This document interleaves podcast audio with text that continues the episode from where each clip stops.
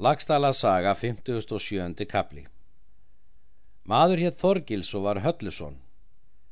En því var hann kendur við móður sína að hún lifði lengur en fadir hans. Hann hétt Snorri og var són áls úr dölum.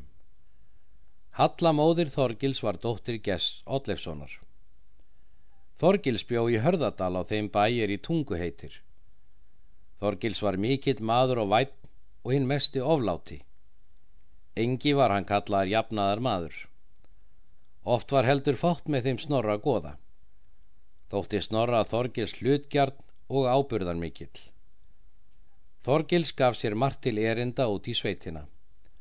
Hann kon jafnan til Helgarfells og bauðsi til umsýslu með Guðrúnu. Hún tók á því vel að eins og lítið af öllu. Þorgils bauð heim Þorleiki síni hennar og var hann laungum í tungu og nam lög að Þorgísli því að hann var hinn lögkænasti maður. Í þennan tíma var í förum Þorkell Eyjálsson.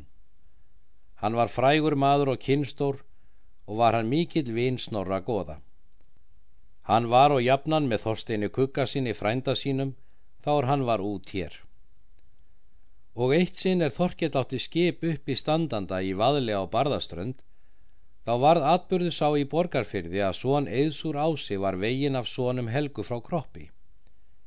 Hétt sá grímur er vegið hafði, en bróðir hans njall.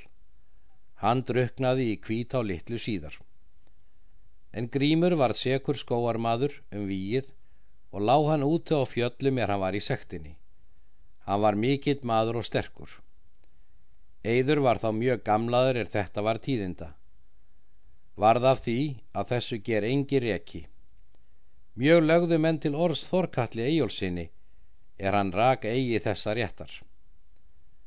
Um voruð eftir þá er Þorkell af því búið skip sitt fer hann söður um breyðafjörð og fær sér þar hest og rýður eitt saman og léttir eigi ferðinni fyrir hann kemur í ást til eðis frændasíns. Eður tók við honum feginsamlega. Þorkell segir honum sitt erindi að hann vil leita til fundar við grím skóarmann hans. Spyr þá Eid ef hann vissi nokkuð til hvar bæli hans myndi vera. Eidur svarar ekki em ég þess fús. Þykir mér þú miklu til hætta hversu ferðin tekst en að eiga við heljarmann slíkan sem grímur er. Ef þú vilt fara þá farð þú við marga menn svo að þú eigir allt undir þér. Það þykir mér engi frami segi Þorkell að draga fjölmenni að einu manni en það vildi ég að þú léði mér sverði sköpnung og vænt ég þá að ég skuli berað einhleipingi einum þótt hans ég vel að sér búin Þú menn þessu ráða, segir Eyður en ekki kemur mér það óvart þótt þú yðrist eitthvert sinn þessa einræðis.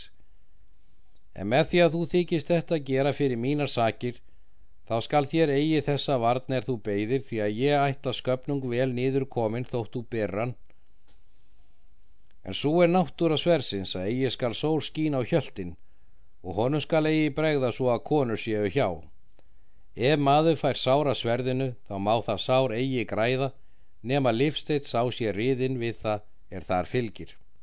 Þorkett hvaðst þess ætla vandlega að gæta og teku við sverðinu en bað eið vísar sér leið þanga sem grímur ætti bæli. Eður hvaðst það helst ætla grímur ætti bæli norður á tvítægru við fiskivött. Síðan rýður Þorkell norður á heiðina þá leið er eiður vísaðu honum og er hann sótti á heiðina mjög langt sér hann hjá vatni einu miklu skála og sækir þanga til.